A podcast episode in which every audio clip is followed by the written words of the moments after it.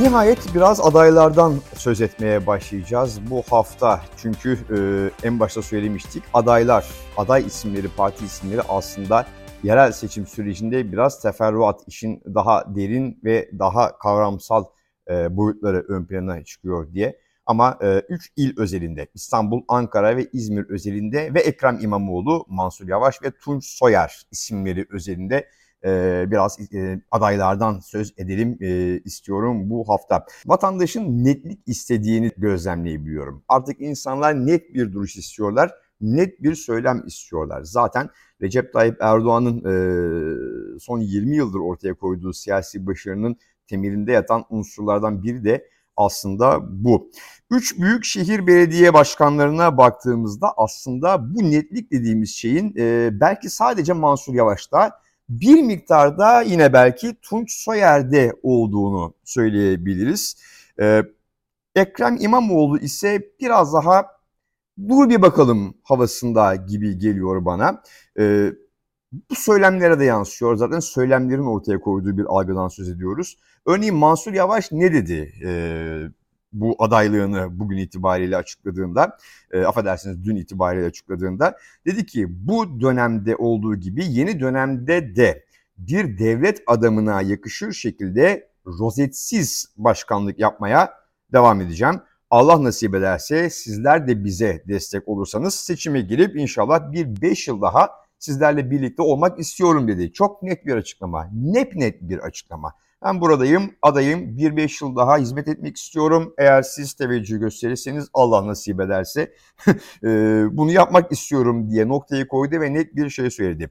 Peki Tunç Soyer ne dedi? Tunç Soyer bu kadar net değildi ama dedi ki geçen ay Ruşen Çakır'a verdiği röportajda aday olmak isterim. Aday olmam benim elimde değil. Partim bunu takdir edecek, genel başkan bunu takdir edecek ama ben aday olmak istiyorum dedi. Bu da aslında net bir açıklamaydı. Ben adayım diye söylememiş olsa bile e, elimde değil bu adaylık meselesi ancak ben olmak istiyorum dedi. Peki Ekrem İmamoğlu ne dedi? Şöyle dedi. Önce yola çıktığını söylediği bir e, basın toplantısı yaptı. Çok geniş kapsamlı bir sürü kanal tarafından da e, yandaş olsun olmasın e, hemen hemen tüm kanallardan da canlı yayınlanan bir e, basın toplantısında İstanbul için yola çıkıyorum dedi. Ancak daha sonra dedi ki adayım demedim yola çıkıyorum dedim. Şimdi burada büyük bir muğlaklık var. İşte bu muğlaklığı istemiyor efendim vatandaş. En azından bizim gözlemimiz bu yönde. Ekrem İmamoğlu demişken İstanbul'da durumun ne olduğuna biraz bakalım istiyorum. İstanbul'da e, nabzını yokladığım insanlar belediyecilik anlamında Ekrem İmamoğlu'nun pek bir memnuniyet yaratamadığını ifade ediyorlar. Yani bu Kadıköy için belki böyle değildir, Bakırköy için belki böyle değildir, İstanbul'un e, mikro dinamiklerine baktığınızda belki bu dediğimize e, uymayan, e, olumlu anlamda uymayan belki bazı yerler vardır ama e, genele bakıldığında, örneğin bir Ümraniye'den bakıldığında, bir Sultanbeyli'den bakıldığında, bir Avcılar'dan bakıldığında Ekrem İmamoğlu'nun e, bir hani çok memnuniyet yaratan, e, vatandaşın e, vatandaşa sunduğu hizmetlerle adından söz ettiren, takdir toplayan bir belediye başkanı çizgisinde çok olmadığı en azından e, benim nabzını yokladığım insanlardan gelen e, bilgi, bir e, kulis demeyelim ama bir, bir bilgi, genel nabız yoklaması diyelim. Şunu hatırlamak gerekiyor. Dört buçuk sene önce e, İmamoğlu'nun seçildiği, Mansur Yavaş'ın seçildiği, Tunç Soyer'in seçildiği Mart 2019 yerel seçimlerine bakmak bakmak gerekiyor aslında. Hem Ekrem İmamoğlu hem Mansur Yavaş e, uzun yıllardır AKP'nin yönettiği iki Türkiye'nin en büyük ilinde e, Büyükşehir Belediye Başkanı seçilmişlerdi. Ancak bu e, o dönem yaşanan ve soğan fiyatlarında yansımasını bulan bir ekonomik sıkıntıdan, bir ekonomik kriz döneminden ötürü olmuştu. Yani insanlar e, İstanbul'da Ekrem İmamoğlu'na, Ankara'da Mansur Yavaş'a e, Adalet ve Kalkınma Partisi'nin e, iddia edilen yolsuzluklardan, efendim e, usulsüzlüklerden, adam kayırmalarından, e, şiddet ve nefrete varan bazı söylemlerinden bıktıkları için, illallah ettikleri için oy vermemişlerdi. Soğan 30 lira olduğu için oy vermişlerdi. Ekrem İmamoğlu'na da Mansur Yavaş'a da. Ankara ve İstanbul'u CHP'nin adayları bu şekilde kazanmıştı. E, bunun tespitini bir e, yapmak ve doğru bir yere bunu e, koymak gerekiyor ve e, aslında muhalefet de bu tepkiyi okuyamadı diye düşünüyorum ben. Gerçekten de bu ilk dediğim gibi. Gerçekten e, her zaman ve her yerde ifade edilen Adalet ve Kalkınma Partisi'nin e, olumsuz taraflarından vatandaş öyle bir bıktı ki artık CHP'nin adayına oy verdi gibi algıladı muhalefet cephesi bu durumu.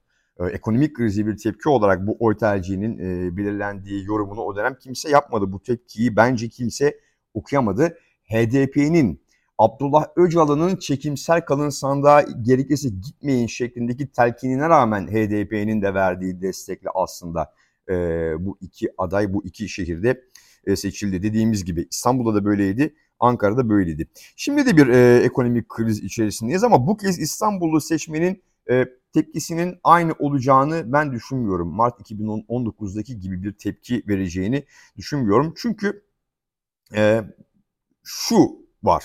Ee, Ekrem İmamoğlu'nun Cumhurbaşkanı adayı olmak konusunda e, ne kadar istekli olduğunu belli etmesi çok da sempatik e, bir tavır olarak algılanmadı diye düşünüyorum ben.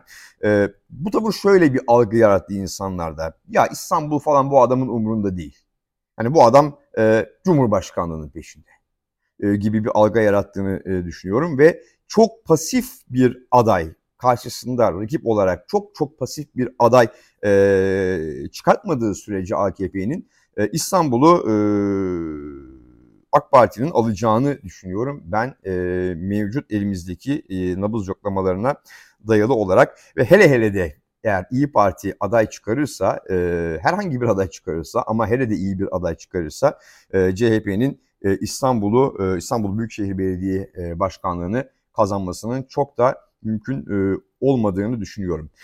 Ankara'da durum ne? Ankara'ya bakalım. Ankara'da da yine aynı dönemde Mansur Yavaş uzun yıllardan beri AKP'nin e, hatta onun öncesinde Refah Partisi'nin e, Büyükşehir Belediye Başkanı olan Melih Gökçek tarafından yönetiliyordu.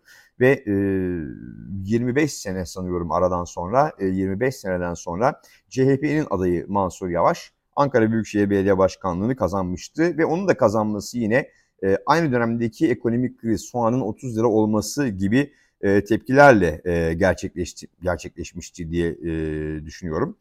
E, ancak Mansur Yavaş için Ankara'da durumun e, Ekrem İmamoğlu kadar, İstanbul özelinde Ekrem İmamoğlu kadar e, umutsuz olmadığını düşünüyorum ben. Çünkü Yavaş e, bu Cumhurbaşkanlığı adayının belirlenmesi sürecinde önceliğinin Ankara olduğunu çok net bir şekilde ortaya koydu. Ben bunun çok önemli bir şey olduğunu düşünüyorum ve Ankaralı seçmenin tercihlerini belirleyecek, önemli bir etkide e, etki yapacak bu tercihlere bir e, tavır olduğunu e, düşünüyorum. E, ve İzmir'e geçmeden önce de e, bu iki profil içerisinde bir değerlendirme yapacak olursak yani Mansur Yavaş ve Ekrem İmamoğlu e, profilleri içerisinde Yavaş'ın e, İmamoğlu'ndan e, çok daha makul e, ve e, çok daha tercih edilebilecek bir siyasetçi tipi olarak ön plana çıktığını düşünüyorum. Neden mi böyle düşünüyorum? Yine Cumhurbaşkanlığı adaylığı süreciyle ilgili olarak bunu düşünüyorum. Şöyle bir hikaye anlatayım size. E, Ay'a adım atan, Ay'a inen ilk insan biliyorsunuz Amerikalı astronot Neil Armstrong'tu. E, Neil Armstrong'la beraber Ay'a inen modülde bir kişi daha vardı. E, Buzz Aldrin bir diğer astronot. E, ancak e, NASA e, Armstrong'un Ay'a ilk inen kişi olmasını e, bu yönde bir talimat vermişti. E, daha sonra e, Buzz Aldrin'e ikinci ayak basan e, astronota soruluyor bu. E, neden Neil Armstrong seçildi, neden siz seçilmediniz diye. E, Buzz Aldrin şunu söylüyor. Ben Ay'a ilk inen insan olmak istediğimi çok fazla belli etmiştim. Neil Armstrong ise görev verilirse yaparım, görev verilmezse orada görevim neyse onu yaparım diye daha sakin bir tavır sergilemişti benim çok istekli olduğumu belli etmem yüzünden Armstrong ilk inen olacak demişlerdi. Aslında biraz e, Ekrem İmamoğlu'yla e, Mansur Yavaş arasındaki durumun da böyle olduğunu düşünüyorum ben. E, bu devam ettikçe vatandaşın nezdinde de e, Ekrem İmamoğlu ikinci e, sırada gelecek. Birinci sırada her zaman Mansur Yavaş olacak. Çünkü Ekrem İmamoğlu bir şeyleri istediğini çok fazla belli ediyor. İzmir'deki durum e, son olarak e, Büyükşehir Belediye Başkanı Tunç Soyer'in yeniden aday olup olmayacağı e, tartışmaları kentte e, konuşuluyor. İzmir'deki durumu şöyle özetleyebiliriz aslında. E, e, Recep Tayyip Erdoğan'ın 28 Mayıs seçimlerinde, Cumhurbaşkanlığı ikinci tur seçimlerinde İzmir'de aldığı oy oranını söyleyeceğim size. %33. Recep Tayyip Erdoğan Cumhurbaşkanlığı seçimi ikinci turunda İzmir'de %33 oy aldı. İlk turda da %32 almıştı. Ee, yani her 3 İzmirliden biri bugün e, Recep Tayyip Erdoğan'a oy veriyor. Yani İzmir aslında o kadar e, gözünüzde büyüttüğünüz gibi bir yer değil bu anlamda şu anda. Ve e, Mart ayında yapılacak, önümüzdeki Mart'ta yapılacak yerel seçimlerde de ben AKP'nin adayı, hele de iyi bir aday olursa, hani İzmir'deki vatandaşın da benimseyebileceği, en azından karşı gelmeyeceği bir isim belirlenirse, AKP'nin İzmir'de bu %33 oyu yerel seçimlerde de koruyacağını düşünüyorum. Bu ne demek oluyor? Ee, bu şu demek oluyor. Eğer İyi Parti İzmir'de bir aday çıkarırsa, hele de iyi bir aday çıkarırsa, hele hele HDP de bir aday çıkarırsa e, İzmir'de Cumhuriyet Halk Partisi'nin Büyükşehir Belediyesi'ni kazanma işi çok zora girer, büyük riske girer. Ve eğer böyle bir durum olursa CHP işte o zaman İzmir Büyükşehir Belediyesi'ni kaybedebilir. Bunun kazananı da net bir şekilde AKP olur, AKP'nin adayı olur. Çünkü İyi Parti çıkaracağı adayla İzmir'de CHP'den oy çalacak. Belki bir miktar AKP'den de e, oy koparabilecek. E, ancak burada en çok kayıp verecek, oy oranında en çok erozyonu yaşayacak olan parti CHP olacak. Bu net. Çünkü ittifak ortağınız bu sizin. Hele de HDP ki İzmir'de yaklaşık olarak yüzde 7-8 gibi bir oyu olan HDP kendi Büyükşehir Belediye Başkanı adayını çıkarırsa e, aday çıkarmayacağı takdirde CHP'nin adayına gidecek olan oylar da kendi adaylarına gidecek ve dolayısıyla çok ciddi bir e, oy erozyonuna uğrayacak böyle bir durum söz konusu olursa İzmir'de CHP. Bu tablonun kazananı ise e, bu bölünmüşlükten sıyrılıp çıkma ihtimali çok yüksek olan AKP olacaktır diye düşünüyorum. Yani İzmir özelinde CHP e, yerel seçimi kazanmayı garantilemek istiyorsa e, İyi Parti ile ortak bir aday çıkartması şart. Böyle bir sonuca varıyoruz. İki haftadır e, işin biraz daha e, sosyolojik tarafını, kültürel tarafını ele almıştık e, yerel seçimler üzerinde. Belki bu hafta biraz da beklediğiniz gibi parti ve aday aday isimleri üzerinden bir değerlendirme yapmak istedik ve bunu yapmış olduk.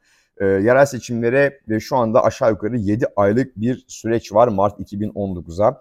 E, bu aslında siyaset özellikle Türkiye'deki siyaset düşünüldüğünde çok uzun bir süre gibi görünüyor. Gerçekten gerçekten de öyle.